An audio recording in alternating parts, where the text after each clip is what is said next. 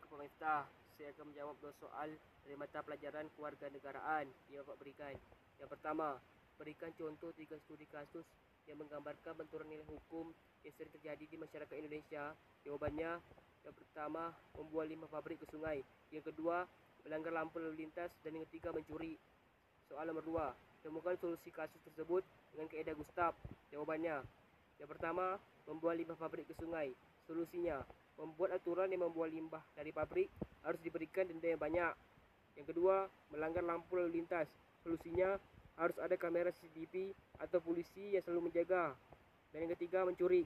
Solusinya, harus mendapat hukuman yang berat seperti masuk penjara yang lumayan lama.